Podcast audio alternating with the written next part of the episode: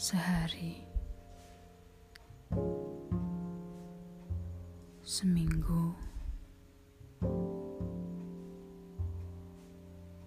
atau mungkin sebulan ke depan akan bangun dengan situasi seperti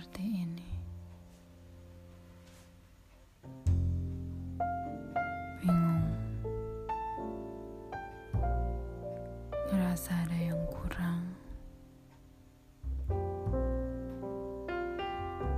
dan hilang.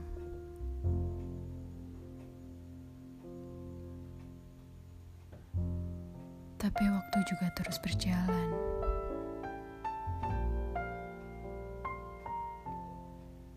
Apa yang tidak biasa? akan menjadi biasa.